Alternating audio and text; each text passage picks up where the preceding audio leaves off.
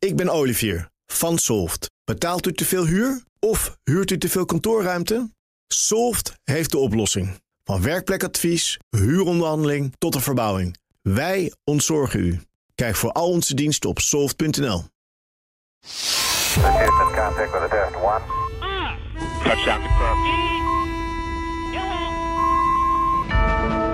Hartelijk welkom bij Space Cowboys nummer 126. Mijn naam is, ja, dat is een hele hoop. Mijn naam is Herbert Blankenstein. En ik zit hier met Thijs Roes, die je al heel even hoorde. Dat was ik. Dat is hij. En met Marieke Baan. Goeiedag. Ja, welkom allebei. En even snel rondje eh, wat eh, jullie meest spectaculaire onderwerp voor vandaag is. Thijs. Nou, het is, het is een storm in een glas water, maar elk excuus om over Voyager te praten nee, Ja. ik aan. Dus we gaan het even over Voyager hebben. Voyager, want het contact was even Ja, weg. dat, Eh, dat- het is niet niet, te eens veel relevant. maar het is niet eens relevant. Niet relevant. Nou ja, het is wel relevant, maar we hebben het er nog wel over. Waarom het wel of niet relevant is, daar gaan we het straks over hebben. Marieke? Ik heb twee eh, nieuwtjes eh, die te maken hebben met ruimtetelescopen. Dus dat past goed in het thema van eh, Space Cowboys natuurlijk. En eentje eh, over een aardse telescoop. Oké, prachtig. Oh. En eh, ik heb onder andere een bericht over een enquête onder Amerikanen. Wat Amerikanen eigenlijk willen dat NASA doet. En you won't believe what happens next. ja, precies. Luister Goed. vooral verder. ja, ehm, eerst Thijs. Take it Ehm, away. Ja, eens even. Nou, weet je wat? we- Dan gaan we met James Webb eh, beginnen. Oké. Dan gaan we het gewoon over James Prima. Webb hebben. Want een, eh, eh, hij is alweer anderhalf jaar, hangt hij alweer achter de maan. Maar hij is een jaar al eh, eh, foto's aan het terugsturen. Of eh, moet ik zeggen, data aan het terugsturen. En om dat te vieren is een eh, nieuwe foto uitgekomen. Maar er zijn ook wat andere nieuwtjes, weetjes, dingetjes. Leuke redenen om het er even over te hebben. En Marieke heeft volgens mij ook nog daar een, een nieuwtje van. Dat klopt. Dus ik, dus ik wil, ja, om nou meteen te beginnen van kijk maar in de show notes. Is bij plaatjes altijd natuurlijk een beetje lastig. Want ehm, Maar het gaat over. als je dingen wilt zien in plaats van horen, dan is dat toch wel de weg om te. Dan is dat inderdaad gewoon een, eh, een hele goeie. En het gaat gewoon. eh, de- de- de- James Webb heeft, heeft een, een foto genomen van een, eh, een gebied waar jonge sterren worden geboren. Nee, waar sterren worden geboren en zo kort geleden. eh, dus Ja. duizend jaar ongeveer. Was dat Ze dat gebied waarvan geboren. iemand zei bij, bij Marieke in de buurt dat het een hagedis was? Ik herinner Oh me ja, dat- dat Ingeloes, Ingeloes meldde dat. Ingeloes was dat. Ingeloes de Hagedis. camping en die Maar dat was een, camp- een hagedis. camping-app, was dat. Zekers. Ja. En het is dus een. ehm, eh, het, het, het zijn jonge sterren, maar je ziet dus ook eigenlijk. eh, ja, heb je wel eens een foto gezien van hoe een, hoe een ster geboren wordt? Zo'n soort Jawel. Dan schiet er op een gegeven moment. Dan, hij gaat aan, maar dan schiet er dus een soort jets schieten eruit. Uh-huh. Maar dan komt er ook langzaam. Ja, het ziet er bijna uit als een soort. Ja, een, ij- soort ijscel eigenlijk. Een soort, soort, soort guppy. Met, met eigenlijk het, het, het middelste is gewoon heel, heel veel stof dat op elkaar. oh, waterstof op Eigenlijk zijn elkaar wordt. levende wezens. Dus zo voelt het dan. Dus ik kan me wel herinneren dat ik dat toen voor de eerste keer zo'n plaatje zag. Inderdaad wel zo'n soort van... Zo'n soort van verbondenheid voelde. Dus van wauw, wat lijkt, wat lijkt een, een, een ster die geboren wordt... toch eigenlijk op een, inderdaad, een kikker, eh, een, ki- een kikkerdrill eh, eh, eitje. Of hoe moet je het zeggen? Ja, het is gewoon Ja. een klein organisme. Ja, en een zegt ook veel iedereen grotere dat schaal. een ster geboren wordt. Hè, om het lekker menselijk Ja. te houden. Ja, precies. En ehm, een hele bevalling. Maar goed. het is een grote bevalling. Explosief. En eh, dan schiet die, eh, die waterstof, die, eh, die, die schiet eruit in het begin. Maar dan zit eigenlijk nog, nog het licht zit verhuld. Het beginnende licht eigenlijk van eh, die kernfusie die daar begint. Die zit nog verborgen achter al het stof. En dat zie je op die foto dus eh, ook, eh, ook, ook heel mooi. En, maar het is zo grappig ook, want het, het, het verplaatst zich. Dus het is ook niet een, net als ons zonnestelsel, een, iets dat heel vaak op soort één plek lijkt te zijn. Het, het schiet weg van iets. Dus het lijkt ook een soort, soort spoor achter zich te trekken van dat stof. Ja. Terwijl die dus ook langzaam aanknippert. Zo.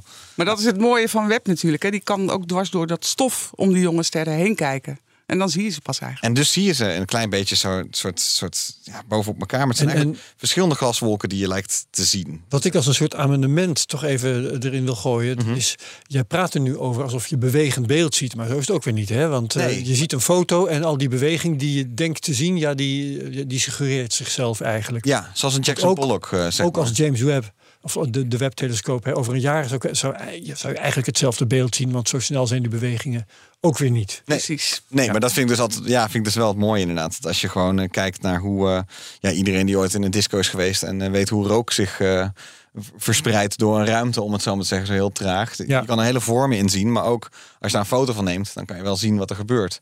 Zou zeggen, een, een, een Jackson Pollock eh, schilderij waar hij verf gooit. Je ziet als het ware nog gewoon de kracht die het meegekregen Absoluut, absoluut. Maar ik, ik maak zelf wel eens eh, timelapse video van eh, de wolkenlucht. Mhm. Dat is prachtig. Dat kan ik iedereen ook aanraden. Dat is niet zo moeilijk.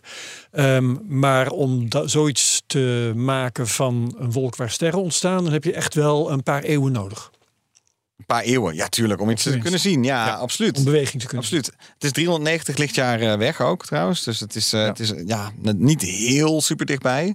Ehm, maar het is wel een van de jongste plekken waar het ge- geboren wordt. En eigenlijk, dus het, beweeg, het beeld beweegt niet. Maar het mooie is dus wel dat als, als je overal op verschillende plekken in het universum jonge sterren fotografeert. Dan zie je wel verschillende dus- stadia. ja, dan kan je dus die stadia. Dat is waar. Ja, Je moet je fantasie een beetje vrije loop laten natuurlijk. Hè?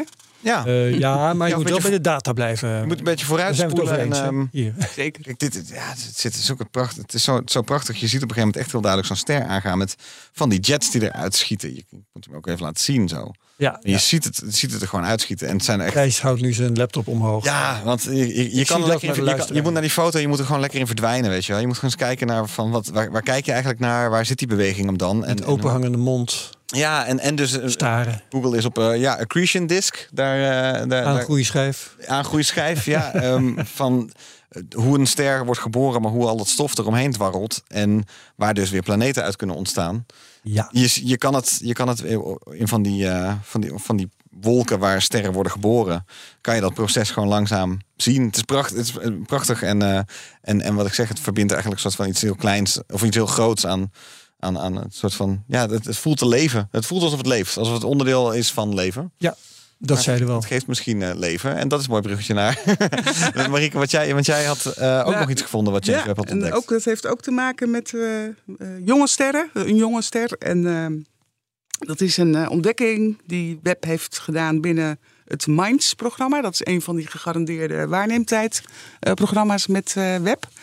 Het wordt geleid door Max Planck in ehm, Duitsland, maar er zit Althans, ook... het Max Planck Instituut. Dus Ja. ik- Zoals je het nou zegt, eh, lijkt het wel alsof... Ja, Max Planck heeft zelf even de leiding genomen. Heidelberg, Nee, zeg maar. Ehm, en in dat eh, team zitten ook eh, mensen als Eline van Dishoek eh, uit Leiden... en Rens Waters uit eh, Nijmegen en Inga Kamp uit Groningen, als ik me niet vergis. En die hadden vorige week echt een eh, schitterend eh, resultaat, kan ik wel zeggen. Eh, ze hebben in, eh, in de schijf, zeg maar, van stof en zo... die rond de jonge ster PDS-70 eh, zit... Ehm, Mooie naam. ja, schitterend. Hè? Ik zal zo vertellen waar die staat en in Oh, welk oké. sterrenbeeld je hem niet kan zien vanaf het noordelijke halfrond. Oh. Ehm, hebben ze water gevonden. En dat is interessant natuurlijk, want Altijd het is belangrijk. precies in de zone rond zo'n ster waar hè, in theorie aardachtige planeten zouden kunnen worden geboren. Hebben we dat woord weer. Ehm, en rond die ster zijn al eh, eerder, een aantal jaar geleden, is er al, eh, zijn er al twee eh, reuzenplaneten ontdekt op veel grotere afstand.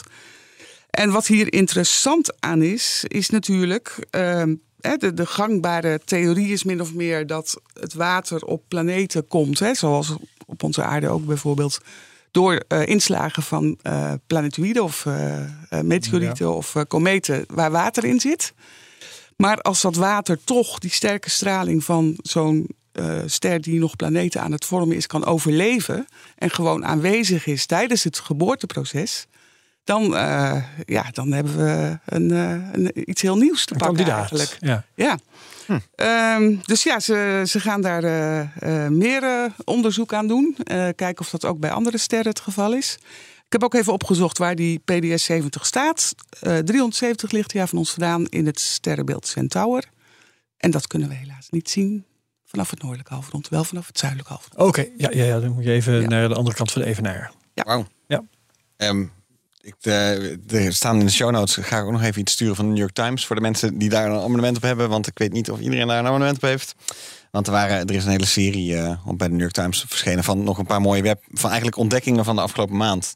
Waar ook nog een paar James Webb. eh, Je kunt trouwens even tussendoor voor ontzettend weinig geld een abonnement op de New York Times krijgen. Hè? 50 Ja. cent Ik per weet week niet meer precies. Ik Ja. geloof dat ik, eh, dat ik iets van 2 euro per maand Ja. betaald. Oh, serieus? Nou, dan moet ik wel weten. Oh, serieus? Ja, ja, ja. Ja, en ik heb tijd in New York gewoond. Er was nog jarenlang heb ik er een gehad. En dan kwam er elke zondag nog steeds een krant van mij ergens op een stoep waar ik al lang niet meer woonde. Alleen maar omdat dat eh, abonnement, eh, dat abonnement het goedkoopst was, dat zondagsabonnement. Maar ik moet, eh, dank je voor de tip. Ik ga even kijken. Ja, Want ja. daar, ze hebben echt best, al, ja, best wel sterke astronomieverhalen, vind ik eh, altijd. En prachtige video's ook eh, vaak. Dus mocht je dat hebben, zoek vooral rond. Want daar staat nog een hele mooie foto van een, ehm, van een jong, eh, van een regio waar sterren worden geboren. Maar ook, eh, dit is helemaal, eh, dit, volgens mij heeft het niks met James Webb te maken, maar ik vind het gewoon een hele grappige. de- Deze moet ik gewoon even vertellen. Ze hebben een ster gevonden die van één kant, eh, astronomers in, in, aan Caltech hebben het gevonden. Ja. Ehm Eén kant van deze witte dwerg is gemaakt van helium en eentje van waterstof. Dus Hè? het is een soort two-face ster. En hoe dit werkt en waarom die op die manier te werkt. geloven. Ja, hij draait ook rondjes. Ze hebben natuurlijk een mooi plaatje van gemaakt. Zo van, nou, aan de ene kant is de ene kant eh, is, is het wat lichter en aan de andere kant. En moet ik dan denken zwaarder. aan de noordkant en de zuidkant? Of Nou, moet ik aan denken aan de oostkant en de aan de, westkant? oost- en westkant. Ja, Dat ja. is bizar. Dus dan draait hij rond en dan, eh, En dan blijft het soort van plakken op. hij... eh. En hoe is een ontdekt? andere. Ja, dan Met- probeer ik dus. Dit, dit, dit is dus onderdeel van die fotoserie die ze hebben staan. Dus ze wijden er wel eens over uit. Ik ben hier ook verder niet op dit ingegaan. Ik hoopte misschien dat een van jullie nog hier, hier Nee, mij over kon voeden. Hier kan ik even niks mee. En, eh, maar dit, dus, dit moeten mensen maar eens eventjes moeten eens even uitzoeken. Hoe, eh, hoe dit zit. Ja. Want het plaatje is ook, het plaatje is ook mooi. Maar... Want het moet of verklaard worden of het moet ontzenuwd worden. ja, precies. Nou, ja, Hij heeft eh, als eh, naam eh, Janus meegekregen. Maar ken Nou, je dat lijkt me heel terecht. Ja, want Janus was de, de god of zo met een Januskop. Mhm. Die twee gezichten had, een voor- en een achterkant. Twee verschillende gezichten. Ja, absurd hè? Vandaar dus, hè, iemand heeft een Januskop of iets heeft een Januskop. dat betekent twee gezichten. Twee verschijningsvormen, zeg maar. Ja, nee, het is, het, is, het is heel vreemd. Ze snappen het zelf ook niet helemaal. Dus ehm, hij, het is, een, het is een, eh, een, een, een, een langzaam stervende ster. Dus hij is ook een, in, een vreemd, in een vreemd stadium van zijn, eh, Ja, van zijn ja, proces. Is het. Ja, en Witte Dwerg is, is al Ja, is, overleden. is eigenlijk al overleden. Hè? Ja. Vraag me voor, dus ik zat ook net te denken van ja, hoe, hoe sterft een witte dwerg verder? Want eh, uiteindelijk, ehm, als, er nog, als het nog eh, waterstof en helium is. Ja, Instortingsdood is het Ja. meestal toch? ja, het ligt eraan of hij een begeleider heeft. Als er een begeleider is, dan gaat er Ja. eh, materie van de ene naar de ander. Eh, maar dat, eh, ja, dat hangt er vanaf. Kan inderdaad eh, Dat kan wel, wordt die helium nog omgezet, hè, bijvoorbeeld. een, plof, een ontploffing zijn. Ja. Dat, eh, het, ze zeggen wel, het is waarschijnlijk niet een perfecte 50-50 hoor. Maar ze zien dus dat hij als het ware dus, ehm, zich langzaam aan het opbreken is. En dat, ja, eigenlijk waar we het net ook over hadden bij James Webb. Van je, kijkt, je, je maakt er één Ja. momentopname van. En op dit moment is hij eventjes in deze, in deze vorm. Maar dat zal niet het meest stabiele, dat zal niet de meest stabiele ster zijn. Dat, eh, dat denk ik. Dus eh, dit en eh, nog veel meer in de show notes. Ja. Want bij al deze nieuwtjes. Kunnen mensen zich verder zelf Aan informeren. deze, kijk, ik hou zo van astronomische onderwerpen. Ook. Dat merk ik. Dat Ja, want dat het is moet wel ook nog over raketten gaan, hè? Ja, maar we- nou ja, hebben we het nog over raketten vandaag? Nou, eh, weet ik eigenlijk niet. Hebben we iets over Ik raketten? weet het niet. Nee, het is gewoon heel grappig. Hoe, Nee. Als je Space Cowboys luistert, de ene keer zit het vol met astronomie en dan zit het weer vol met Ja, raketten. en dus dat rakettenliefhebbers moeten misschien eh, nog even twee weken wachten. er zitten hier weer andere ik mensen zal het zeggen. die Ik het met zeggen. raketten doen. Ik, ik, eh, ik heb een kleine, eh, aan het eind van deze uitzending, een kleine SpaceX update. Oké, dan eh, houden we dat van je te goed. Dan ben ik aan de beurt. Ehm, wat ik eigenlijk het meest spectaculair vond, was eh, die, eh, of een, eh, een eh, enquête. Die is uitgevoerd door Pew Research, PEW Research, over ehm, wat Amerikanen vinden van eh, wat de NASA eigenlijk zou moeten doen. En wat ze verwachten van de ruimtevaart. En ja, daar komen dan allerlei dingen uit die eh, wat meer voor de hand liggend zijn. En soms waar ik soms denk van wat, ja, wat, wat, wat moet je daar verder mee? Bijvoorbeeld dat zeven op de tien Amerikanen vinden het essentieel dat de Verenigde Staten een wereldleider blijven in de ruimtevaart. En dat 30% dat eh, wat minder belangrijk vindt. Nou ja, oké. Ehm, even kijken, ze vinden dat eh, privé ruimtevaartbedrijven best wel goed werk doen. eh, bij het bouwen van raketten dan trouwens, Oké. nu we het daar toch over hebben. En, en dat belangrijke bijdrage leveren aan ruimteonderzoek en ruimte, eh, reizen in de ruimte openstellen voor meer mensen. Ja, ik Ehm, zie dus eigenlijk dat ze, als ik, als ik de resultaten erbij pak, dat Ja. ehm, Eh, de, de vraag is een beetje ook van wie is verantwoordelijk? Van vindt u NASA verantwoordelijk? Ja, of vindt u dat? of- Of, vindt u dus private bedrijven? companies. En dan is er een soort van sentiment van, nou dat kan inmiddels een privébedrijven kunnen dat ook prima doen. Ja, nou Dat dat, is een van, een van de onderwerpen. Maar er komt Ja. meer hoor. Eh, even verder gaan. 47% van de Amerikanen zeggen dat ze ehm, het afgelopen jaar eh, minstens één eh, eh, ruimtevaart gerelateerde activiteit hebben eh, gehad. Bijvoorbeeld kijken naar beelden van ruimtetelescopen. Hey, Geweldig. dat komt voor 45 vandaag. procent. 47 47 Nou, Ja. mooi- is mooi, dus op eh, een of andere manier in een jaar tijd in contact eh, geweest met de ruimtevaart. Dat is allemaal leuk. Wat ik, ja, waar ik mijn schouders heel erg bij ophaal. Vier op de tien ehm, verwacht dat eh, uiteindelijk intelligent leven on- ontdekt zal worden op een andere planeet in de komende 50 jaar. Ja, Zo'n vraag wordt je dan gesteld. Verwacht je dat? 40? 50% verwacht dat. Amerikanen? Ja, ja. Ik denk dat het 80 procent is. Maar de dat- UFO's of de uh, Ja, zoiets. UAP's?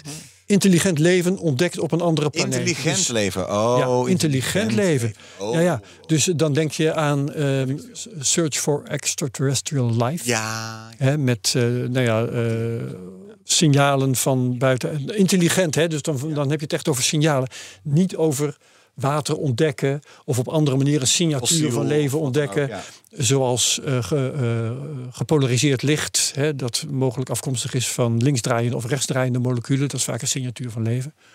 Awesome. Dat, deze ken ik niet. Oh ja, nee, daar heb ik toevallig laatst nog iets over gelezen. Dank je. Maar goed, dus, dus dat soort dingen eh, komen uit. Maar wat ik echt interessant vind. Tot nu toe dus, dus eigenlijk niet. Wat ik echt interessant vind, is wat. Ja, nee, serieus. Ehm, wat willen Amerikanen eigenlijk dat NASA moet doen? En dan zeggen ze dus dat eh 11% slechts vindt dat NASA eh, prioriteit moet geven aan reizen naar Mars. 11. Ja, en eh, ik geloof dat het 10% is die, ehm, nee 12% vindt het belangrijk dat NASA bezig is met reizen naar de maan. Maar zeggen ze omdat, een- omdat Elon Musk het al aan het doen is? Of wat? Nee, nee, nee. Ze vinden, nou, ze vinden dat NASA dat Ja, dat niet moet doen. dus- die ligt En een vraag. ik moet je eerlijk zeggen dat eh, als je dan zegt, vinden ze dan dat Elon Musk dat moet doen? Ja. Dat vind ik in de resultaten niet op het eerste gezicht Maar terug. Dat is het, het, het, eh, bekende eh, verschil hè, tussen bemande ruimtevaart of bemenste ruimtevaart en onbemenste Ja, ruimtevaart. maar ik vind dit, dit, dit gaat dus in tegen mijn verwachtingen. Want ik zou verwacht hebben, als je, als, als je mij had gevraagd... wat verwacht je dat zo'n enquête gaat opleveren... Mhm. Zou ik gezegd hebben, mensen houden van bemande ruimtevaart. ja, ik denk omdat dat ze zich is. kunnen identificeren. Want dat is ook volgens mij wat de politiek denkt... en wat de ruimtevaart zelf denkt. We vinden allemaal bemande ruimtevaart heel belangrijk. Waarom? Omdat ze denken dat je daarmee de ruimtevaart kunt verkopen aan de massa. En dus daar budget voor kunt krijgen. Ja, het Lijkt dus wel anders een, te eh, zijn. Ja, dit lijkt wel inderdaad een oude, oude aanname te zijn. Ja. Ja, ja, wat vinden ze dan wel belangrijk? En dat vind ik ook wel een eye-opener. Eh, 60% geeft de hoogste prioriteit aan het opsporen van asteroïden die op de aarde afstormen. Daar hadden we toevallig in de afgelopen maand, in juli, hadden we er eentje van. Die pas gezien werd toen hij de aarde al voorbij was, nota bene.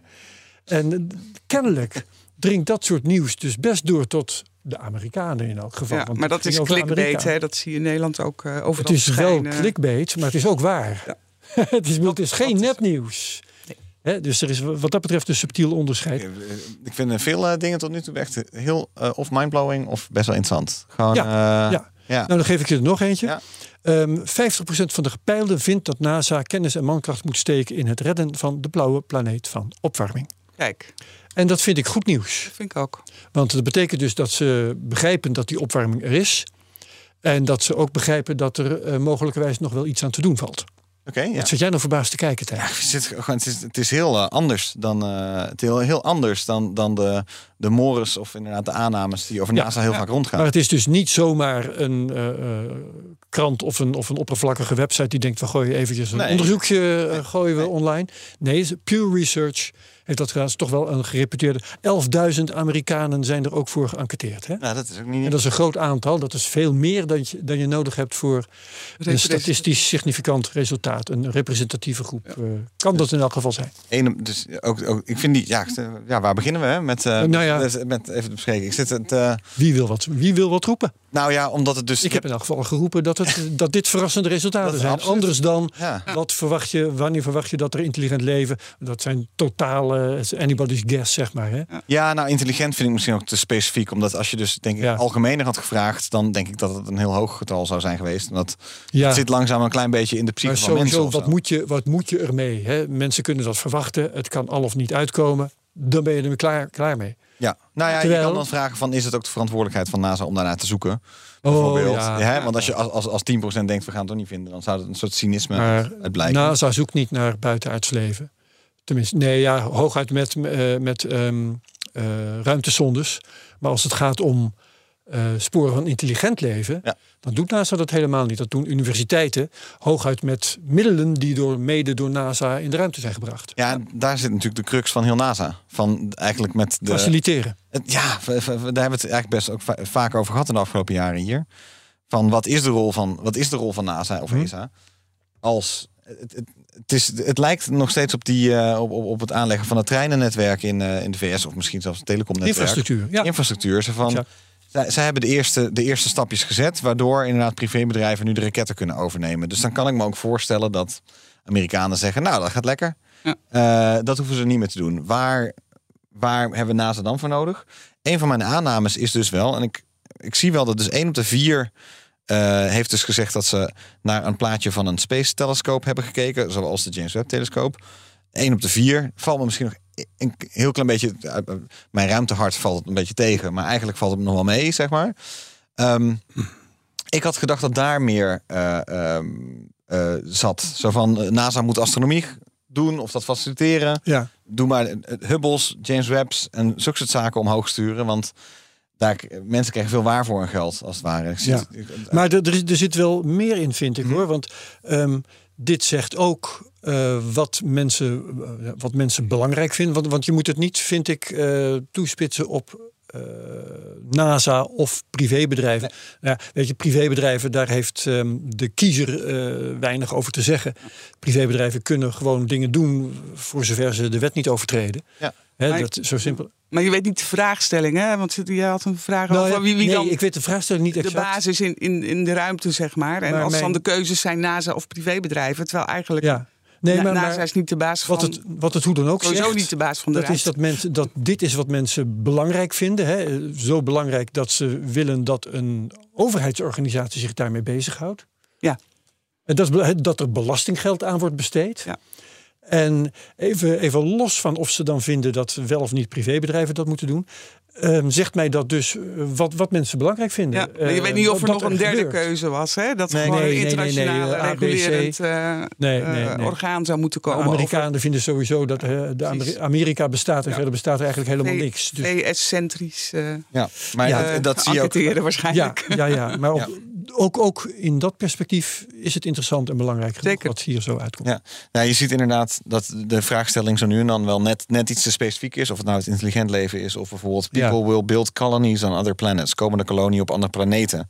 Dan eh, gaat dat gebeuren of gaat het niet gebeuren? Ja. En dan zegt dus twee derde zegt gaat niet gebeuren. Een derde zegt gaat wel gebeuren. Maar ik vind Maar dat als, je dus... de, maar als je de maan eh, zou vragen, Ja. dan, dan staat het. Ja. Om het zo maar te ik zeggen. vind, te dat, vind ik dus de categorie Ja. domme vragen. Hmm. Serieus, eh, vind je dat, eh, of, of denk je Ja. dat ehm, er expedities komen naar andere planeten of iets dergelijks? Eh, dat is een totaal gratu- gratuite vraag. Terwijl als je vraagt, vind je dat NASA dit moet gaan doen? Ja. Dan is het een heel ander soort vraag. Ja, precies. Maar ik vind, vind de, Dus de die- eerste niet helemaal. Ja, precies. Maar die, vind- ik vind die eerste vraag niet heel, heel irrelevant. Omdat je, de, de droom is soms ook het begin van, eh, of eigenlijk het idee is soms het droom. Het Ja, idee ja, ja. is het begin van eigenlijk het, van, van, van, het, van, van de realiteit, om het zo maar te zeggen. En De dus droom het- is het begin van het doen. het droom is het begin van het doen. Dank je voor het afmaken van, van deze. Want als ik dus zie naar waar iedereen het dus zo mee eens is, eh, hè, dat ze dus eigenlijk voor veiligheid moeten zorgen voor space debris, dan, dan kan, ik, kan ik niet anders dan denken van ja, daar zijn ook wel een paar Hollywood-films over gemaakt. En mensen zijn daar ook als het, ware, als het ware bang voor gemaakt in de afgelopen jaren, spreekt tot de verbeelding. Maar ook daar zit die, is die vraag weer een beetje. Daar hebben ze dus. eh, eh, Oh nee, sorry. Staat rockets and, rockets and debris staat hier. Dus daar, daar Ja. vindt men het, het- dat, dat daar een rol is voor NASA. En Amerikanen vinden sowieso vaak dat de overheid eigenlijk zich met veiligheid moet bezighouden en weinig anders. Dus Ja, nou, Dat, d- daar spreekt dus een bepaald egoïsme uit. dus dat kun je dan vaststellen. Maar ik weet je, ehm, ik ga je dan vertellen dat in eh, nou ja, de afgelopen pak een beet 40 jaar of zo eh, ben ik daar ook anders over gaan denken. Want ehm, dat eh, oppassen en, en, en onderzoeken en maatregelen nemen tegen space debris, maar ook asteroïden, ehm, dat uitkijken naar. Dat ehm, heb ik eerst opgevat als. Want dat, dat volgde zo'n beetje op Reagan's een Star Wars programma. Reagan had gezegd van nou, we gaan gewoon ehm, de Russische raketten gaan we uit de, uit de lucht schieten. Dat kunnen we wel. En dat er volgde een onderzoeksprogramma op. Dat leverde eigenlijk helemaal niks op. En toen mijn interpretatie was toen ehm, dat eh, onderzoeken van de gevaren van asteroïden en dergelijke. Dat is alleen maar om de mensen die dat onderzoek doen alsnog aan de praat te houden. Om ze bezig te houden. En geleidelijk aan ben ik daar anders over gaan denken. Want weet je, dat zijn toch gebeurtenissen met potentieel wereldbeëindigende gevolgen. Ja. Ja. Wat je niet wil, dat zijn risico's, die wil je toch zo goed en kwaad als je kunt, wil je die uitsluiten. In plaats van dat je zegt, de kans is klein, weet je wat, we doen er maar niks aan. Ja. Je kunt je niet permitteren om daar niks aan te doen. Ja. Ja. Dus Maar er gebeurt wel van alles inmiddels hoor. En de grote die worden Ja, ja, er echt wel gevonden. Alleen de kleintjes niet hè. Nee, en die zijn, eh, de kleintjes zijn nog best groot genoeg om heel veel kwaad te doen. Zoals dat ding wat, wat pas langskwam. Oh ja. ja. Want je kunt zeggen clickbait, maar dat was dus echt... eh, Ja. Je kunt blij zijn toch dat die... ehm, wat was het? Op een paar duizend, eh, nou enkele tienduizenden kilometers van de aarde... Want als de afstand heeft. tien keer zo groot was geweest, had het ook in de Telegraaf gestaan, zeg maar. Ja, zeker. Absoluut. Nou, interessant hoor, want eh, maar dus inderdaad één monitor asteroids, dus eh, asteroïdes bekijken, twee eh, klimaat in de gaten houden, maar ook drie is nog steeds eh, standaard eh, onderzoek doen om eh, eh, onze kennis van de ruimte te verhogen. Daarvan zegt 40% nog steeds topprioriteit Ja. en 45%, dus samen 85% zegt eh, ook belangrijk, maar iets lagere prioriteit. Dus ja, dat is toch mooi. ik kan eigenlijk pas zeggen dat wa- waar begint het, waar zegt nou ongeveer 40% van dat hoeft niet. Search for life en planets that could support life, niet de rol van NASA. Mensen naar de maan sturen, mensen naar Mars sturen. Daar is vinden inderdaad de grootste sceptisch over en topprioriteit. Dus eigenlijk van die drie dingen, zeg maar ongeveer 10, 15 procent dat het een topprioriteit is. En dat Ja, verbaast ja. me toch inderdaad. Nou weet je, kijk, ehm, als mensen zeggen die bemande ruimtevaart, die expeditie naar de maan en Mars, eh, vinden we niks.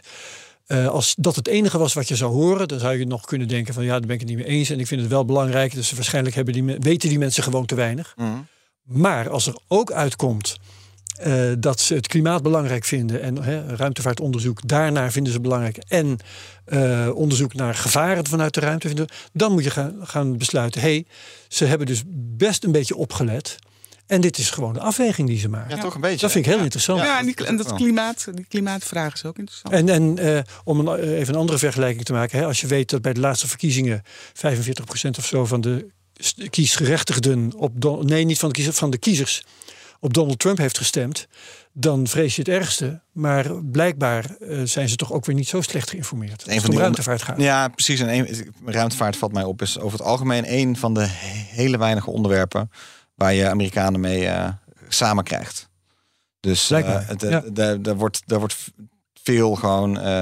Eh, ja, dan de, de politiek, politiek verdwijnt dan een beetje of zo. Ja, eigenlijk zou je Ja. wensen dat, ze, Marieke, dat zo'n eh, onderwerp, eh, zo'n enquête ook een keer eh onder ja, Nederland interessant. Ja. Ja. Kan je dat voor elkaar krijgen? Ze kijkt vertwijfeld voor zich uit. Bij de Als, je, van als jij helpt misschien. Als wij helpen. Met enquêteren. Of Ja, met, gewoon met een het- BNR-enquête. Oh ja, ja. We Nou, moeten op eh, kunnen we- X, dit is de eerste keer dat we het X kunnen gaan noemen, maar een keer een poll eh, doen. Ik eh, zeg wel Twitter. Als je Ja, het wil. ja, zeg jij maar gewoon lekker Twitter. Zullen we deze Ja, enquête hier afsluiten? vooral terug. Leuk. Je kan hem helemaal terug. De link lezen. naar een eindeloos verslag van Pew Research zelf. Die staat in de show notes. En ik wilde daar wel even zeggen van de reden ook dat we het te lang over moeten en kunnen en hebben gehad, is ook wel gewoon, ja, de Verenigde Staten hebben zo'n enorme rol natuurlijk. Nog steeds. Ja, eh, in de hè, ruimtevaart. Gewoon de Amerikanen met z'n allen in de ruimtevaart. Dat, wat zij vinden Ja, is. zowel inspirerend als ook Uitvoerend. daadwerkelijk. Ja. Ja, ja, ja. En money. Oké. Thijs, jouw volgende onderwerp. Oh, ben ik aan de beurt? Ja. Eh, dan eh, wil ik het eerst over Voyager hebben. Ja, Voyager is leuk. Blijf Voyager dichter bij de leuk. Nou, moet, ik microfoon. het, moet ik het nieuws melden? Eh, wat- we, we, konden me- we konden hem even niet bereiken. Voyager 2. We konden hem even niet We konden. Voyager 2 even. En nu kunnen we hem weer bereiken. En nu, en nu kunnen we hem weer bereiken. Ja, dat is kort samengevat. Dus ook samengevat. Maar dat was wel even een dingetje. Ja, het was even een Want dingetje. het zou heel jammer zijn als het contact ehm, permanent verloren ging. Ja, ik denk dat we bij, bij beide Voyagers voornamelijk eh, eh, dankbaar moeten zijn dat we zo lang gebruik van, ze, van hun Ja, instrumenten want hebben kunnen cijfers nog maken. even nagekeken. Wanneer, wat- wanneer zijn ze ook weer weggestuurd? In 77, 20 augustus, Voyager 2. Heel grappig, die is eerder vertrokken. Dus dat is eh, 46 jaar geleden. Jij bent beter in ho- hoofdrekenen dan ik. 50. Nee, 47, 56 dan zou 40, eh, 40. 46. 27 We zitten bijna eh, op de 50 46. zijn. Ja. Ja, we gaan, we gaan nu op naar de 46ste. eh Verjaardag. Zegt het goed? Ja, 46 e verjaardag. Eh, want 5 september was Voyager 1. Dus die is een paar, twee weken later vertrokken. Eh Voyager 2, nou, ze hebben allebei hebben ze hun, hun. Ze zijn identiek. Ook nog eens even teruggezocht. Want eh, ja, ik heb hem op mijn arm staan. Ja, ja, En ja. de ja. vraag is altijd: welke, heb je nou precies? Ja, welke heb je nou precies op je arm staan? ja. En ehm, eh, dus ik heb een paar dagen geleden met een vriend van me nog eens even goed eh, nog even erin gedoken van oké, ehm, eh, ze, zijn, ze zijn echt identiek, de twee Voyagers. Ze hebben natuurlijk wel een andere baan. Inclusief de plaketten, hè? Ja, in- Ja, ja, ja. inclusief de pakketten. Maar en al vrij snel gingen de eerste instrumenten op de een eh, minder goed dan de ander. Dus al vrij snel kon de ene dit beter en de andere dat beter. Ze kregen toch een identiteit op die manier. Ja, ze kregen zeker een En identiteit. de ene is veel verder inmiddels dan de ander, toch? De ene is veel verder, toch? Voyager 1 is gewoon verder. Eh, Voyager 1 heeft ook de Pale Blue Dot eh, foto genomen. Oké. Ehm, En die is verder omdat hij iets andere baan heeft. Want, want hij heeft dus Ja. later gelanceerd, maar hij heeft uiteindelijk een hogere snelheid gekregen. Ja, Ehm, ja, en, maar ze hebben ook een. De ene gaat eigenlijk op hetzelfde vlak als ons zonnestelsel, om het zo maar te zeggen. Die ging, gaat gewoon recht richting de planeten en, en verder. En Voyager, eh dat moet dan goed, ik moet het wel goed zeggen. Voyager 1 is dus omhoog geschoten bij Saturnus. Voyager 1 is omhoog gegaan. Ja, om een. eh, om een heeft eh, daardoor Neptunus gemist. Eh, ja, Of hij ging omhoog omdat Ja. hij Neptunus toch zou missen. nou, het mooie is dat hij daar dus wel een overzichtsfoto heeft kunnen nemen. Van Oh. eh, een ander soort, vanuit een ander perspectief. ja, ja, ja, ja. En ehm, nee, ik, ik pak even die banen erbij, want daar ben ik ook bang dat ik het verkeerd zeg. Ehm, eh, want dat wil ik natuurlijk niet. Ehm, ze, eh, uiteindelijk is het zo, ja, even om een nieuwtje erbij te pakken. Voyager 2, eh, ze, ze, ze, ze, fonen nog tijd home, om het zo maar te zeggen. Hebben daarvoor een Ja. antennes op eh, aarde gericht. Maar de antenne van Voyager, of Voyager 2 had een iets verkeerde instructie ontvangen, als ik het goed begreep. En ja, was, eventjes, was even geen contact mee te krijgen. En De dat is antenne was net iets eh, verplaatst. ja, ze schoot een paar schoot langs de aarde. Hè? Is het, Keek is, de verkeerde kant op. ja, en normaal gesproken eh, hadden ze gezegd, nou moeten we even tot oktober wachten, want dan wordt hij automatisch, dan reset hij zichzelf. En dan doet hij het weer goed. Maar het was alweer, nou volgens mij vanochtend of gisteravond, ik weet het niet meer precies, kwam er alweer het bericht dat het, eh En hoe kwam dat? Want, want, Dat in oktober zou toevallig die antenne weer de juiste kant op omdat hij het kijken. zelf doet. Omdat hij het dan zelf doet. En nu had hij verkeerde instru- instructies ontvangen. Dat, Ja, nee, zeker. Maar ehm, er was dus gezegd, hij, eh, die antenne is verkeerd gericht. Ja. Ehm, maar in oktober komen we weer vanzelf door die bundel heen. Dan kunnen we dus de juiste instructie weer sturen. En dan kijkt hij weer de hele tijd de goede kant op. Dat was het verhaal. Ja. Maar wat is er nu gebeurd dat het toch eerder in orde is gekomen? En volgens mij eh, eh, deed hij het gewoon weer. Ik weet niet, heb ik, Oh. zullen we dat er even bij pakken? Marieke, weet jij Nou, dat? er is een, een signaal opgevangen. Ja, dus er is een signaal misschien opgevangen, ondanks dat die antenne niet helemaal meer eh, goed slaat. Ik weet het niet. Oké, dus is eh, In goed gekomen, maar Ik zit ondertussen even oorzaak. eh, op de Twitter-account van NASA Voyager te kijken. Mhm. Tweet eh, ongeveer elke dag zijn afstand eh, tot eh, de aarde.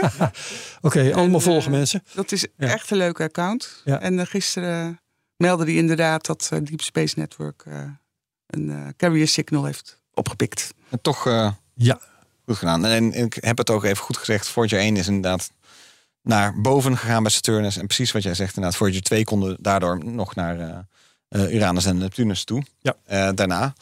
En eh, zo vet ook, want dat zijn de enige foto's eigenlijk die we dus van dichtbij ja eh, nog het steeds... is nooit meer herhaald. nee, nee, Nota daarom. bene. Ja, ja, ja, ja. Eh, de- de Hubble heeft nog wel wat dingen gedaan. En had niet ook, eh, ja, James Webb had, eh, had hebben we nog eh, aandacht aan besteed. ja, maar dat haalt het niet. Nee, kun je de- honderd keer James Webb zijn, maar Het is een oude televisiecamera hè, uit de jaren 70. Dat is ook zo gaaf. Dus het zijn eigenlijk, van als je een beetje een oude live show ziet, dat zo'n soort camera is. Ik ben ooit eens een keer Je moet de foto's van Voyager. Ja, de foto's van Voyager. Ja, dat is eigenlijk een die- kathodenstraalbuis of zo. Ja, nou ja, ja, als je alsof je in de vroege jaren tachtig een of andere game. eh, Ja, maar die foto's die waren toch gewoon hartstikke mooi. Of vonden we dat alleen toen? Dat vonden we dus toen. Als je dus nu naar de foto's van Voyager kijkt. Oh, trouwens ook nog getest op de aarde. Dus vet. Er zijn nog foto's van Voyager van de aarde ook. Toen waren ze een beetje aan het testen.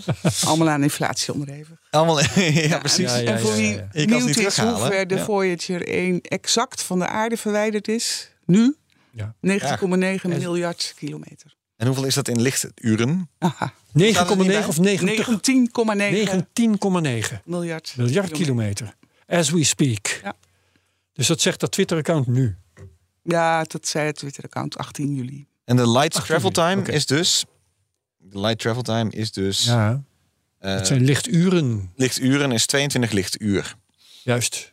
En maar ik heb wel eens uitgelegd gekregen dat. eh, want de vraag is heel vaak van hoe kan je in godsnaam überhaupt communiceren met Voyager? Ik bedoel, wat, wat, eh, dat is een ding van te groot van een, van een, van een, van een mini. Eh, nou, flinke mini trouwens. Nee, hij heeft grote antennes, Nog het er groot uit. Ja, ja. Ehm, en hij heeft dus de kracht van, wat, wat zei iemand nou ooit, een, een koelkaslampje. Zo'n overlampje. Zo'n heel zacht, weet je een paar watt, paar watt, paar wattjes. Weet je wel, dat, komt er nog vanaf. Plutoniumreactor eh, zit Ja. erin, die, daar komt de warmte Ja. vanaf. Daar kan je Maar heel veel maken. instrumenten zijn toch ook al uitgezet? of, of- zoveel Ja, is uitgezet. ja. Dat, hij, eh, dat hij het nog doet is een wonder. om Ja. plutonium te, Ja. te Ze hebben, besparen. ik Nee, dat kun je niet zwaar. Dat vervalt gewoon. Dus het is puur de warmte van het verval. Ja. Dat gaat gewoon door en wordt steeds minder. Er is gewoon steeds minder plutonium over om te vervallen. Dus het, Mhm. een exponentiële curve wordt die energieleverantie minder. Ja. En eh, ja, dat houdt een keer op. Maar eh, door apparaten uit te zenden... Sorry, uit te zetten... Bespaar je energie. Zorg, nou, ja, maar je kunt geen energie besparen omdat het verval gewoon doorgaat. Mhm. Het is, het is een, eh, een proces dat niet te stoppen valt. Je kunt alleen maar eh, steeds minder apparaten gebruiken om in elk geval zorgen, te zorgen dat er nog één of twee iets behoorlijk doen. Ja. Dat is wat er Ja. gebeurt. En eh, er zijn nog maar een paar. Er staan inderdaad nog maar een paar eh, eh, instrumenten aan. Je kan op Wikipedia hebben ze dat mooi over- overzicht van. van wat het nog wel en niet doet. Want dat is het een beetje anders. Maar allebei hebben ze bijvoorbeeld nog wel hun Cosmic Ray System aan. En hun Charged Particle Instrument. low Energy Charged Particle Instrument. Waarmee ze dus konden meten een Wat paar de jaar invloed geleden. van de zon is. Ja, wat de invloed van de zon is. En dat, er dus, dat ze dus buiten de invloed van de zon, uit- buiten de heliosfeer Eh, zaten. Waardoor eigenlijk de deeltjes vanaf de zon. eh, ja, hebben we dat wel eens goed uitgelegd. Er dus botsen allemaal eh, deeltjes uit het heelal onze kant op. Van ontploffende sterren, van, van alles nog wat. Van, alle, alles wat daar buiten hangt. En de zon die slaat dat eigenlijk weg met zijn eigen straling en kracht. En daardoor ontstaat een soort bel om de, om de zon heen. En een paar jaar geleden zijn beide Voyagers dus door, als ware door die bel, eigenlijk die zeebel naar buiten gegaan. Ja. Waar de, de plek waar Hoe eigenlijk heet die... die gordels ook alweer? Ah, weet jij zo, uit je hoofd? Nee. Ehm, Het is een gordel, maar... ze zijn de interstellaire ruimte ingegaan, want daar zijn al die deeltjes een beetje soort van kriskras door elkaar aan het vliegen. Maar dus binnen die heliosfeer is het heel duidelijk nog de, de straling van de zon die ze wegduwt. eh, die, ze- die ze buiten houdt. En dan eigenlijk zag je ook in die, ehm, in die instrumenten, zag je zo heel even een soort piek. Net als ehm, als je bijvoorbeeld je kraan thuis aanzet en er is zo'n mooie cirkel omheen van eh, het water dat als het ware zo op je eh, wasbak valt, ontstaat er een soort bel van alles dat het naar buiten duwt. En dan aan de randen daarvan zie je eigenlijk een soort klein beetje een soort golfje van daar waar het water weer terugklotst. En dan dat, dat creëert een soort van bel naar buiten, maar ook een soort rand. En toen zag je dus in die instrumenten zag je even zo'n piek van eventjes een soort buitenrand, de rand van de bel. En daarna was het opeens stil. Dus opeens was het was die straling werd niet meer gedetecteerd. En vanaf dat moment was dus duidelijk, hé, ze zijn de interstellaire ruimte. Nou, waar ons zonnestelsel nou precies begint en waar het nou precies eindigt, daar kunnen we lekker lang over bakkeleien, maar dat heeft niet veel zin. Ja. Je kan in ieder geval zeggen dat ze gewoon op weg zijn naar, naar het niets. eh, Is het niet gewoon de. Kuiperbelt? Nee, de Kuiperbelt Nee. op zich niet. Nee. Want het zijn zeker niet de Van Allen-gordels, Ja. want die zijn rondom Ja. de aarde. Oh. Die zijn rondom de aarde. Oh, interessant. En ehm, Ja. eh, ei- eigenlijk is het zo dat Voyager eh, al lang was afgeschreven. Dus dat, dat Ja, ja. had een paar jaar gewoon moeten duren. Maar ze doen het nog maar en ze doen het nog maar. 46 En eh, volgens mij hebben ze op dit moment iets van 2025, 2028 als een.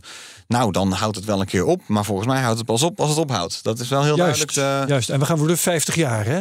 Ja, absoluut. Ja, en ik, bedoel, ja, ik heb hem zelf eh, vier ooit, jaar. ooit op mijn arm gezet, omdat ik, eh, omdat ik hem tijdloos vind. Eh, gewoon maakt eigenlijk niet uit of hij of hij het nog doet of niet. Nee. Hij, hij, ze zijn gewoon de verste. Eh, voorlopig nog. Eh, als we een keer iets sneller sturen. En volgens mij New Horizons was ook wel een beetje aan het inlopen op een bepaalde manier. Maar gaat weer een hele andere kant op. Maar dat werd ook opgemerkt in onze discussiegroep eh, Ja. Mhm. op WhatsApp van ons, ons Space Cowboys. Ehm, ja, die Voyager, ook als dat contact totaal er niet meer is, dan gaat hij nog gewoon verder. Ja, gaat hij, gaat verder. niet, hij gaat niet stoppen, hij gaat niet in de berm liggen. Ja, ja, precies. En zoals Carl Sagan zei van... Hij heeft ons niet nodig. We hebben het nog over Voyager lang nadat veel van onze tijd al lang vergeten is. En dat, daar, daar geloof ik heilig in. Dat, eh, dat Voyager, net als de, de, de ontdekkingsreizigers en de, en, de, en de oude Grieken en weet ik veel wie allemaal, Ja. wordt, wordt het gewoon. hij- ook omdat hij er dan ook nog steeds is. Ook dan kan je nog steeds een website openen met waar is hij nu? Weet je wel? Ja, precies. Je hoeft- Ja, alleen dan moet je het uitrekenen. Ja.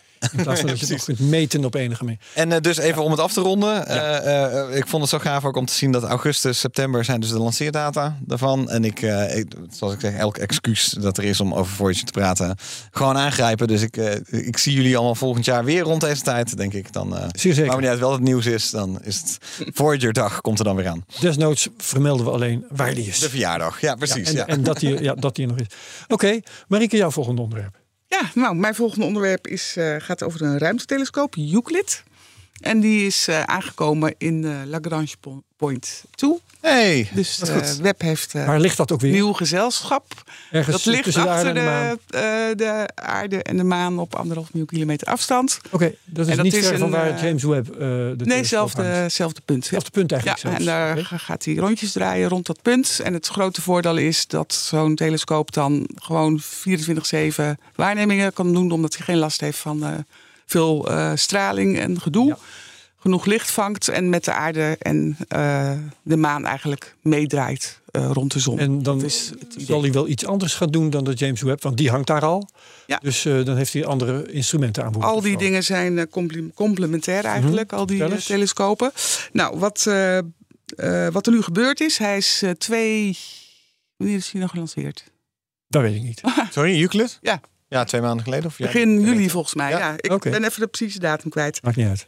Dus hij is ongeveer een maandje onderweg geweest naar, de, naar dat punt. Ehm, en juli, onderweg eh, zijn eh, de instrumenten aangezet. Hij heeft twee instrumenten aan boord. Een optisch eh, instrument voor visueel licht. En dat heet VIS. En een infrarood instrument. En dat heet NISP. Vis en lisp, oké. Nou, bij Ga je ook vertellen waar die afkortingen voor staan? Of, eh, Nou, dat, dat VIS staat voor visual en dat Oh. NISP staat voor eh, near eh, infrared. Ehm, En toen, ze, toen VIS voor het eerst werd eh, aangezet, toen schrok iedereen zich helemaal lam. Want eh strooilicht op de eerste foto. Oh. Dus eh, waarschijnlijk eh, zit er een, een gaatje ergens, een klein gaatje waar dat licht door komt. Eh, nou, toen hebben ze gekeken wat er aan gedaan kon worden. En nu hebben ze die telescoop een klein beetje gedraaid. En er zijn genoeg posities over, als ze op een bepaalde manier eh, draaien. eh, dat dat strooilicht, straylight geen toch pijnlijk. grote hè? belemmering meer is. Ja, Ja, ja, dus ja. dat was even schrikken.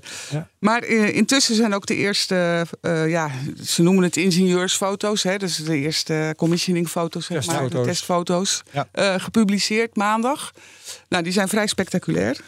Ze zijn eigenlijk spectaculairder, moet ik zeggen, dan de eerste webtechnische foto die Ja. eh, vorig jaar eh, uitkwam. Dan had iedereen die schrok een beetje van wat moeten we met die grote puntsterren. Gewoon een hele mooie lichtshow, hè? Ja, het? en ja, het, het ziet er gewoon schitterend uit. Er staat een, eh, een linkje in de show notes waar je ze allemaal eh, kan Wat bekijken. zien we daar? Wat zien we daar? We Ja. zien daar sterren en sterrenstelsels. En ehm, de Euclid-missie die gaat eigenlijk twee dingen doen. Die gaat eh, donkere materie opsporen en donkere energie opsporen. En eh, hij gaat eigenlijk met VIS, met dat visuele instrument, gaat hij de vormen meten van sterrenstelsels. Want donkere materie oefent natuurlijk druk of zijn, zijn invloed uit op, eh, op, de- op de zwaartekracht. Dus hij zoekt de donkere materie door te kijken naar lichte materie. ja, en dat weak lensing. dus met weak lensing kunnen ze dat gaan bestuderen. Eh, eh, dat is dus En- lenswerking van sterrenstelsels. Ja. Ja, precies. Ah, en Dus die gaan ze de dan zwaartekracht meten. die Ja. het licht verbuigt. En Interessant. Ja. wat meet je dan? En En, dat ook andere dat- instrument, het infrarode instrument, gaat eh, de, ehm, hoeveelheid lichtmeter die de sterrenstelsels op verschillende golflengten uitzenden. Dus dat is eigenlijk de roodverschuiving meten. Oh ja. En als je die dingen combineert, dus als je de vorm combineert met die afstand en die, eh, die roodverschuiving, ehm, ja, dan kan je eigenlijk een soort 3D-kaart maken van het hele heelal. Ehm, en dan kun je zien hoe ehm, de donkere materie is eh, verdeeld. Nou ja, en hoe hoe zich beweegt Ja, ook. ja. Dat Verandert, klinkt wel ja. interessant. Als je een 3D-model hebt en je hebt de roodverschuiving, dan heb je ook iets, weet je ook iets over de manier van hoe het van je afbeweegt. Hoe snel het van je afbeweegt. Ja. En daarmee heb je dan dus inderdaad een 3D-kaart met een soort ja, Ja. acceleratie, om het zo maar te noemen. Ik weet niet wat de juiste term zou zijn. Dat is Ja, interessant. de versnelde uitdijing. Ja, de delta, om het zo maar te zeggen. Dus je hebt niet alleen eh, van waar is wat, maar Ja. ook eh, hoe, hoe beweegt het zich. Ja. En dat is, wel, dat is wel interessant, want donkere materie en donkere energie is altijd Ja. alleen maar dat wat we plakken op dat wat we, dat we eh, rekenkundig inderdaad niet helemaal snappen. Precies. Maar nu ook, ik zit gewoon aan AI Dus te er komen antwoorden op al die vragen waarschijnlijk. En dan gaat er zes jaar over doen om die hele scan te maken. Dus dan is Oké. een derde van de hemel in kaart gebracht. En ook nog een leuk eh, weetje is dat die foto's die nu zijn gepubliceerd... Hè, dat zijn echt, echt de eerste foto's. eh, dat, eh, dat zijn oppervlakjes van misschien een kwart van bij een kwart maan of zo. En dat is een miljoenste van wat hij uiteindelijk gaat scannen. Dus het- er komt echt nog zoveel meer. Ah, daar moet je die foto's maar even bekijken Ja. in- in jouw link. Want je ziet gewoon heel een soort sterrenveld en sterrenstelsels. Ja. En als je dat, als je 1 miljoen van zulke plaatjes door AI heen gooit, nu met herkenning, Ja. Met gewoon het rekenen wat er visueel tegenwoordig mogelijk is. Ja. Dat is echt En geweldig. dat rekenen gaan ze doen in Groningen. Want Oh. eh, er is natuurlijk komt heel veel data kijk van, van die telescoop af. Eh, en er, er zijn een paar stations in Europa die, eh, die dat allemaal binnenhalen. En dan zijn er ook allemaal landelijk, in, in acht landen of zo. Ik weet, het aantal weet ik niet precies, maar een stuk of acht landen. Die hebben dan een eigen datacentrum waar alles gewoon gereed wordt gemaakt voor de astronoom om zeg maar de dingen, Subliem. om er dingen mee te kunnen gaan doen. En in november komt er, net zoals bij Web een jaar geleden, komt er een early, early release observation. Dus dan komen er echt mooie plaatjes. Oh ja. Dus in november. Goed. En ook de krijgen eerste we het. data om je dus je, je op te ja. kunnen. Je nou, die op data te kunnen bouwt op, hè, dus dat duurt echt wel Ja. even voordat Die dat... data eh, releases zijn dat dan. En dan kan je langzaam je software erop. Ja, eh, dat is net zoals met eh, Gaia. Hè, daar is, daar Ja. heb je ook elke om de zoveel jaar weer een datarelease. Dus dan wordt die kaart steeds eh, gedetailleerder. En er zit steeds meer informatie in. En dat gaat Euclid eh, in feite ook doen. het is een Europese missie van ESA. Maar er werken ook andere landen aan mee. Canada, Amerika en Japan. Er zijn weer. Space Cowboys afleveringen op 8 november en op 22 november en ook op 6 december. Die in de gaten. Zeker. Dan komen dit soort dingen vast weer. eh. Is dat het of heb je nog meer feiten en wetenswaardigheden? Over Euclid niet? Nee? Oké. Dan, ehm, mag, dan mag ik er weer één doen. ja, doe, jij er eentje. Ja. Ja, Ehm, die had ik net voorgezet en had ik net ons rooster weer overheen gelegd. Dus nou heb ik. Ik wou het hebben over eh, het hacken van satellieten. Oh, Dat heeft ESA laten doen. Dat wil zeggen, ESA heeft pas op een eh, conferentie, dat was de SciSat-conferentie, hebben ze gezegd eh, tegen eh, de aanwezigen, zal ik maar even zeggen: hier heb je een satelliet. De, ik dacht eerst, is het is nou de OPS-sat of is het een OPS-satelliet? In elk geval een satelliet die voor dat doel is beschikbaar gesteld. Hier heb je een satelliet, ga die maar hacken, jongens. Dus toen mochten de white hat hackers, de ethische hackers, Een soort eh, hackathon. hun kunsten vertonen. Ja. En ehm, van een bedrijf Thales eh, hebben ze succes gehad. Die hebben toegang gekregen tot eh, het GPS-systeem van die satelliet. Ik zal maar zeggen wederrechtelijk dus, hè, zonder dat ze daarvoor de eh, accreditatie, de credentials hadden. Ehm, ze hebben toegang gekregen tot het eh, attitude control system, dus het systeem om de stand van de satelliet te oh controleren. wauw. Ze hebben toegang gekregen tot, tot de camera van die satelliet. Allemaal zonder dat dat de bedoeling was. Ehm, ik heb wel begrepen dat om bepaalde redenen het wel iets makkelijker was. Eh, al, er waren veel dingen in deze satelliet gepropt om te hacken. Een normale satelliet zal maar een selectie van dat soort dingen hebben. Niet, Ja. niet, niet al deze dingen bij elkaar. Maar het is allemaal gelukt. Zat er iets over of het eh, draadloos was of dat er ook een fysiek. eh, Nou, ze hadden geen draad was? naar die sa- satelliet Nee, lopen. maar ik kan me dus voorstellen dat je dus inderdaad ligt eraan hoe, hoe vrij deze opdracht is. Als het Ja. allemaal draadloos is, dan heb je dat is één probleem. Maar als bijvoorbeeld dat eigenlijk helemaal niet makkelijk is of niet kan of wat dan ook, dan kan ik me voorstellen dat, ze, dat je ook het scenario doet. Wat als iemand een heel kleine eh, mini-sat laat aankoppelen. Ik noem Ja. maar iets hè, op een, op een kleine, kleine verbinding die aan de zijkant. Ik noem, daarom zat ik te denken van. eh, fysiek biedt meer mogelijkheden, omdat er waarschijnlijk fysiek wat meer zou er zomaar ergens nog een aansluiting kunnen zitten. Ik noem maar iets. Lijkt me ook heel on- onlogisch. Maar anders kan, kan je ook zeggen van ja, alle, eh, als het alleen maar op signalen zit, dan is vrij duidelijk waar de poorten zitten. Als je begrijpt wat ik bedoel. Ja, Ja. Ik, heb, ik heb wat dat betreft eh, niet zoveel kunnen vinden over ehm, wat voor, Methodes wat voor eh, precies, wat voor poorten, wat voor ingangen er precies gebruikt zijn. Oh, Maar in ieder geval openbare ingangen. Hè? Want eh, Ja. het is niet zo dat de ESA nou heeft gezegd... eh, eh, hier is de deur, die staat open, Nee. loop maar naar binnen... en Nee. kom ons dan vertellen dat je naar binnen gelopen. Zo is het ook weer niet. nee. Dus je moet op een gegeven moment toe- op een of andere manier toegang krijgen. Maar, Ja. maar Wat draaien die satelliet ook op, hè? Wat, wat eh, mensen die dit interesseert, misschien jou persoonlijk ook wel... eh, kan ik vertellen dat we in de Technoloog hier een aflevering over hebben gemaakt. Mhm. Ehm, die aflevering die zet ik in de show notes. Ja. Dus dan, dan hebben wij eh, Fred Streefland, eh, die is eh, CEO van een bedrijf dat zich met beveiliging van systemen in de ruimtevaart bezighoudt. Die ook vindt dat daar meer, natuurlijk, want daar bre- verdient hij zijn brood mee, vindt dat daar meer aan zou moeten gebeuren. Vooral Ja. natuurlijk ontwerpen met security in het achterhoofd. Hè. Ehm, dus dat kan interessant zijn als aanvullend. Maar wat ik wel leuk vind is nog, om nog even, want, want ESA was het wel een beetje aan het bagatelliseren.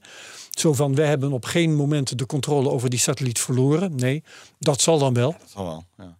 Maar wat Thales erover meedeelt is eigenlijk wel weer zo interessant. Want ze zijn erin geslaagd om de eh, data die terug werden gestuurd naar aarde van die satelliet, om die ehm, te beïnvloeden. Ze konden namelijk gewoon beelden die door de camera werden, ik zei net al, de camera kon er controle over krijgen. Beelden die door de camera werden teruggestuurd, die konden ze veranderen. Ah, ja. Daar hadden ze invloed op. En ze konden ook, dat is ook wel heel interessant, eh, ervoor zorgen dat bepaalde gebieden voor die camera ontoegankelijk werden. Wat dus betekent, eh, als ik het mag interpreteren, dat een vijandige mogendheid, als die zo'n satelliet op dezelfde manier kan hacken, dan kan die ervoor zorgen dat bepaalde gebieden niet meer zichtbaar zijn. Ja. Bijvoorbeeld het terrein van die mogendheid zelf. Zo, Ja. Jongens, eh, eh, jullie zien ons even niet. Ja. Zodat jullie spionagesysteem. Ik, ik extrapoleer nu een beetje. Maar eh, die kant kan het opgaan. En dat is dus wel, nou ja, ook precies het doel van zo'n zo'n onderneming als hier nu wordt beschreven. Dat je dat, dat soort gaten kunt dichten. Oh ja. Ja. Dat is natuurlijk de bedoeling. Je vraagt hackers van, nou, laat ons zien wat je kunt. De hackers laten dat zien. Vervolgens ga je dat onmogelijk maken. Ja. Dat is de bedoeling. ja, leuk. Ja, ik hoop dat het niet. Ik hoop dat Als het de niet, dat niet gaan gebeurt. veranderen. Nee, precies. Ja. Maar Als het niet gehackt wordt. Eh, daar heb ik dus geen verstand van. Maar het is dus wel waar dit over gaat. Hè, de vraag die je dan moet stellen is: is web beveiligd tegen dit soort grappenmakerij? Kan heel veel, als je de juiste apparatuur hebt, kan je natuurlijk heel veel signalen constant overal opvangen. Als Ja. je, gewoon, eh, ja, je hebt En het eigenlijk in principe één belang- schoteltje nodig, kan je van alles opvangen. Het belang van klooien aan de data van web is natuurlijk niet zo vreselijk groot. Want het is maar wetenschap, zal ik Ja. maar even zeggen, als het mag. Eh, het belang van eh, het beïnvloeden van Al die data van spionage. spionagesatellieten. Of bijvoorbeeld van weerkundige satellieten. Of bijvoorbeeld van geopositioning satellieten. Dat is natuurlijk veel groter. Ja. Maar je kunt je toch wel afvragen, als het gaat om vandalisme, want dat bestaat ook, is web beveiligd? Is misschien een interessante vraagstelling voor een keertje. Ik zal het eens rondvragen. Vraag maar eens rond. Het is leuk. Vertel erover de volgende keer. Yes. Ik, ik, eh, over satellieten gesproken. Satellieten gesproken. Eh, waar zijn er heel veel satellieten van? Extreem Nou ja, veel. Extreem veel van Starlink. Van Starlink. Precies. Ehm, eh, ik was in Frankrijk op vakantie. Net terug. Ja. En mij viel dus op dat Starlink daar echt ontzettend populair is. Ik Oh. wil gewoon, ik, ik had een beetje zoiets van Ja, overal. ze hebben over- natuurlijk niet zo'n geweldig internet Nee, het eh, het Franse platteland. Afschuwelijk. Ik Ja. vond het echt eh, een paar jaar geleden was ik in Frankrijk. Met ADSL mag je al heel blij zijn. Ja, ja, en ze zijn wel de afgelopen jaren ook fiber aan het aanleggen geweest in Frankrijk. Op, ook in het buitengebied, uit een soort van ontwikkeling van, eh, van Ja. het platteland. Waar gewoon, eh, ja, het is gewoon een, een uitgestrekt land. Ze zijn niet zo goed in geulengraven daar. Allemaal- op palen. En dus ook, ro- ja, Ja, rotsbodem, dat kan niet. Rotsachtig. Daarom hebben ze geen kabel. Ja. Dat was dan toch gelukt ook wel op, op sommige gebieden. Maar ook to- toen was al duidelijk van, nou ja, er komt toch ook wel satellietinternet aan. Ik heb met een paar mensen ook gesproken die het hadden. Campings en eh, een festival. En, eh, en ehm, eh, ja, wa- waar sloeg ik nou st- eh, van achterover? Dat eh, Twitter, slash X, mij dus, omdat ik in Frankrijk was, aanbiedingen aan het doen was. En aanschafkosten zijn er nog wel. Die fluctueren een beetje van een paar honderd euro tot dan wordt het weer kwijtgescholden tot 300, 400 euro. Dat allemaal. Maar de aanbieding was nu vooral eh 40 euro in de maand. 40 euro in de maand. En hoe breedband? Hoe breedbandig? Super de piepen, de hyper, de programma. I don't care. Hartstikke goed, weet je wel. Gewoon Goed genoeg. 100 mbits, zoiets. Weet je wel, low latency. Ik weet niet wat het precies is. Het fluctueert ook wel. Ik had een call, een videocall met iemand en dat, dat, dat was haperend. En toen, eh, en toen hebben we het nog een keer geprobeerd. Toen ging het best wel goed. Dus het, leek erop alsof er nu dan even een, Ja. even een gat in de dekking is. Dus het gaat allemaal goed. Gaat allemaal goed. En dan een beetje misschien net als vroeger. Dan opeens, eh, doe het niet meer. Eh, is er iets? Oh, het werkt weer. Weet je wel, een beetje zulke soort gaten zit er heel soms nog in. Maar ik zat het ook met die mensen erover. Van ja, in vergelijking met wat ze daarvoor hadden. Peperduur voor iets dat eigenlijk nauwelijks werkte. En als het wel werkte, was het nog trager dan een oud modem van vroeger. Eh, Zo'n telefoon. eh, ding, ding, ding. Ja. Die.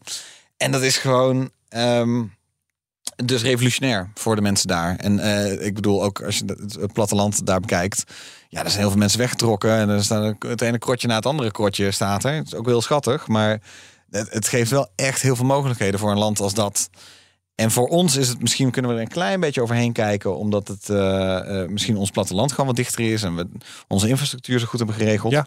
Maar je hebt drie soorten Starlink-ontvangers op dit moment al. Je hebt een, een, een kleine, een professionele, om het zo maar te zeggen. Die is wat groter. Die kan bijvoorbeeld ook in zwaar weer, eh, bij sneeuw en zo, eh, doet hij het gewoon nog. En dan heb je eentje die voor beweging beter is. Dus die kan dan op een schip of op een trein of wat dan ook. Camper. Ja, of op een camper. Ja, kan die Ja. absoluut mee. En voor 40 piekjes in de maand, sorry hoor, maar dat is echt revolutionair. Dat is gewoon, eh, dat is echt, het werkt gewoon. En da- dat, ik vond het, het normale daarvan vond ik even zo heerlijk. Want Ja. twee, twee jaar geleden zaten we, zat ik aan een tafel in Frankrijk en toen kwam er gewoon zo'n treintje, zo'n treintje over van, eh, van al die satellieten, zo'n hele streep. ja, ja, ja. ja, Ketting. hield maar niet op. Het hield maar niet op. Op een gegeven moment raakte een meisje raakte half in paniek. Want die had er echt van, wat gebeurt er? Wat gebeurt er? Wat gebeurt er? wat is dit? Weet je wel? Dat is een invasie. En, eh, en nu zie je ziet ze niet meer. Maar ehm, ze zijn er absoluut wel natuurlijk. Ja, ja, ja. En er zijn ook andere bedrijven nu langzaam maar zeker toch ook aan het inzien. Dat ja, er zit een business case hier. Hoe heet het ook weer? OneWeb en... eh, Ja, precies. En de, de ene gaat failliet en dan wordt er weer een doorstart. Dus even gewoon eventjes Nee, maar luister, eh, ehm, afwachten. zo'n abonnement, Mhm. eh, is dat tegenwoordig geo-beperkt? Want ik had begrepen dat dat eh, wel zo was, zeker in Ja, het begin. maar dat, dat- Wat, wat je natuurlijk wil met je camper is dat je ehm, thuis, dan, nou, dan, het kan een argument zijn om Starlink te nemen, dat je dat thuis gewoon hebt. En dat je het vervolgens op je auto zet en dat je vakantie gaat houden, gewoon je internet meeneemt. Kan gewoon. Ja, Moet wel kunnen. kan gewoon. Ja, kan gewoon. De Ja, ene is- technisch kan het wel, maar als kan het, ja. Elon Musk dat met een of ander systeem onmogelijk gaat zitten maken, omdat het beter in zijn businessmodel past. Nou, dit is een mooi, mooi bruggetje naar een klein beetje een, een soort, soort verdieping van dit, van dit alles. Ehm, want eh, ja, het is dus geolocated. En ja, hij kan, hij, Elon Musk, kan inderdaad aanzetten, uitzetten wat hij wil. Eh, waar, waar hij maar wil. Dus Laatst ook eh, eh, een eh Oekraïense manoeuvre onmogelijk zitten maken. Hè? ja, op zee. Ja. Ja, dus er was laatst, er was dus weer een dingetje daarover. Gewoon, dus nu dan komt er iets van. Dat jullie de Russen gaan zitten plagen, kan ik helaas niet aan meewerken. Nou, nee, dat is het niet. Want hij heeft Nee? natuurlijk. Nee, laten we wel wezen. Hij heeft ook wel in eerste instantie wel. heeft SpaceX gewoon heel veel toegezegd. En daarheen gestuurd. En kan je gewoon zeggen dat het Oekraïnse leger. Het, draait voor een extreem groot gedeelte op dit moment op Starlink. Gewoon. eh, de, de Oekraïnse strategie is. eh, doelen eh, in, in kaart krijgen. En dan zorgen dat met een drone die op Starlink werken. eh, heel specifiek die geraakt, dat één doel geraakt kan worden. Om zo op een heel, soort van heel hoog niveau de, de infrastructuur van de Russen onmogelijk te maken. Precies, en dat is eigenlijk de strategie Ja. van, van de Oekraïners. Waarmee ze doen met spel, met hele specifieke speldenprikjes dit kunnen doen.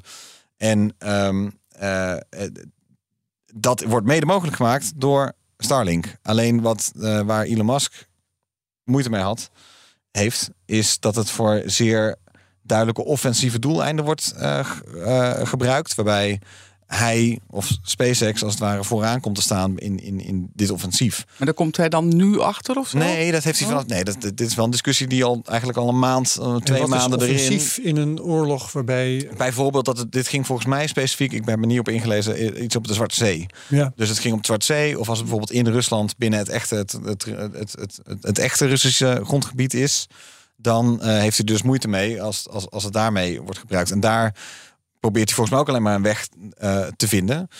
Overal in de wereld zet hij het nu stuk voor stuk aan. Dus het, eh, de- je hebt een soort grondstation nodig om het eh, werkend te krijgen. En, dus, de- en, en natuurlijk gewoon een soort toegang tot de legale markt, om het zo maar te zeggen. Gewoon een, je moet ingang hebben in het land. Kenia was bijvoorbeeld weer on- online gekomen, dus daar kan je het nu ook hebben. Dus je kan, er is een kaart ook op, op de site van Starlink. Daar kan je gewoon de wereldkaart zien waar het allemaal kan en waar niet. En daar staan gewoon inderdaad best wel even, ja, ik zal het even exotische woorden voor ons noemen. Gewoon zo van allerlei landen waar je denkt, oh ja, nee, natuurlijk moet het daar ook, moet het daar ook zijn. Ja. Maar je bent er nogal opgetogen over. Je weet, je weet wat het betekent voor de sterrenkunde, hè? Ik weet absoluut wat het voor, voor voor de betekent voor de surveytelescopen. Het betekent, nee, ik ben er opgetogen over. Ik ben er. Het, het, het gebeurt bij zulke dingen, denk ik altijd. Van het gebeurt. Het heeft, er zitten voordelen aan deze technologie en nadelen aan deze technologie. James Webb hangt achter de maan. Ik denk dat het. eh, dus er, zijn, er valt omheen te werken. En ook een Starlink-satelliet valt als het ware ook weer weg te filteren in data. En zo zitten we elkaar allemaal in de weg op deze planeet, volgens mij.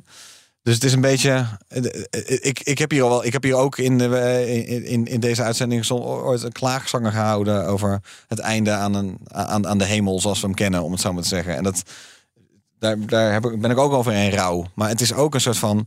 De wereld verandert zo snel, zoals we allemaal de laatste tijd een paar jaar hebben mogen meemaken. Dat het gewoon.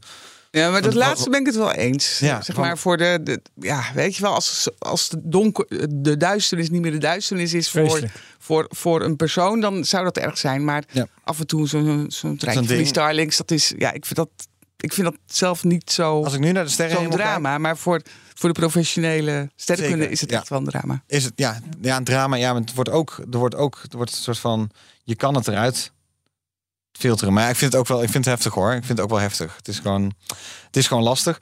En nu, eh New York Times staat ook in de show notes. Die had een groot stuk over van, goh, wat betekent het geopolitiek gezien dus eigenlijk dat eh, Elon Musk eigenlijk dus daar zo'n invloed op heeft. En zij hebben het over, dus ze leggen Starlink goed uit, maar ze, ze hebben het ook over ehm, dat, eh, dat overal ter wereld eigenlijk men daar wel iets van vindt. Van wat de hel, wat is er opeens gebeurd? Dus ik vind het, ik vind het Ja. ergens, ik ben misschien excited over, omdat ik, ik vind het wel grappig, toch wel ergens, dat dit er gewoon al zo lang aan zit te komen. En dat pas als het iets er is, dan worden mensen wakker. En dan, en dan nu is het weer- daar is, daar is al in een heel vroeg stadium is daarover gepiept hoor. Dus Ja, het is, maar het is, nooit, dat- het is nooit verboden, om het zo maar te zeggen. Dus eh, Nee, niet dat dat, ik daarvoor een, voor, voor eens was. Maar dus dat astronomie-ding kwam vrij snel. Het geo, de geo- geopolitieke impact hiervan.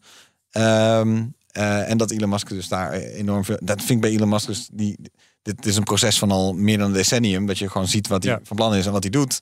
Hij doet het ook. Maar dat iedereen toch buiten deze bu- bubbels van ons en zo... zo laat wakker wordt eh, over Hmm. de consequentie van al deze technologie... die, eh, die, die mede dankzij hem op ons afkomt. Ja. Dat, ehm, nou, dat staat in de show notes. Lees er maar eens over in. Ik, weet, ik heb er niet snel een mening over. Het is meer van, ja, het is, het is dus gewoon... ja, De, de- eigenlijk was mijn nieuwtje, goh, wat is het normaal geworden? Dat, eh, gewoon Starlink, jongens, eh, nieuws is, het, het is geen nieuws meer. ja. Zullen we daarbij laten? Want eh, dan kan ik Marieke nog het woord geven voor een laatste onderwerp. dat Ja, je volgens mij nog wel hebt. Nog een, een leuk, eh, misschien afsluitertje. Eh, de eh, Extremely Large Telescoop. Die wordt heel groot, 39 meter doorsnee primaire spiegel. Die wordt gebouwd in het, noorden. In het noorden van Chili. Echt een enkelvoudige spiegel. Gesegmenteerd, 798 segmenten. Woe. En die is voor de helft klaar. Dat was het nieuws van eind Voor de helft klaar. week. En voor de helft klaar. Dit is de 498. extremely Dus large telescoop. 499 segmenten zijn er klaar. Eh, Nee. 300. Nou, nee, 409 het gaat om nee, de bouw van de 309. constructie. Die, die spiegels, eh, de eerste, tweede, derde, vierde, vijfde spiegel, die worden allemaal ergens anders gemaakt en Ah, later zo. pas. eh, nee, het gaat echt om de constructie, zeg maar de, de bouw van de, de doom, om het zo maar even te noemen. oké. Het, het voetbalstadion. toen had je de very large en nu heb je de extremely large. Ja, en het leuke is, er is een geweldige webcam. Staat, de link staat in de, Hmm. in de show notes. En ik hoorde laatst van een eh, algemene journalist op een nieuwsredactie... dat hij elke ochtend, eh, als hij zijn computer aanzet... gaat die computer aan met, met het beeld van de, van de ILT. Hoe En zijn je- ze nu? En je ziet nu al dat die stalen constructie van de koepel... dat die al bijna rond wordt. Ik zie de timelapse al voor me. Ja, dus eh, hij gaat in Oh ja, wat- 2028 in bedrijf. Hè? Dat was het kermisattractie. Ja, en dat ja, is, ja, daar ja. kun je het eh, live op je volgen.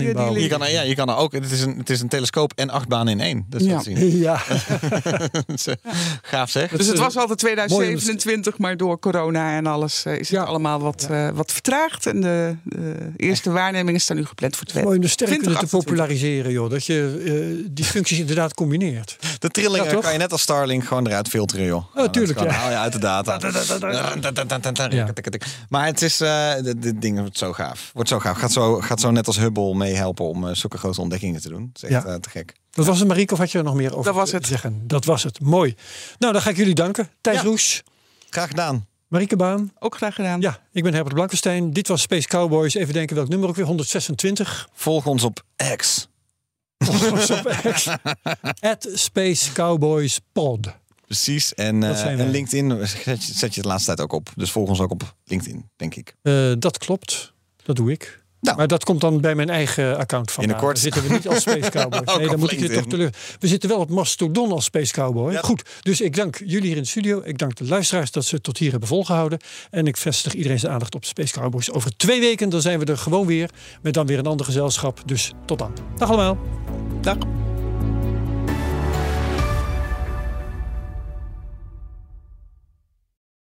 Ik ben Olivier van Solft. Betaalt u te veel huur of huurt u te veel kantoorruimte? Solft heeft de oplossing. Van werkplekadvies, huuronderhandeling tot de verbouwing. Wij ontzorgen u. Kijk voor al onze diensten op soft.nl.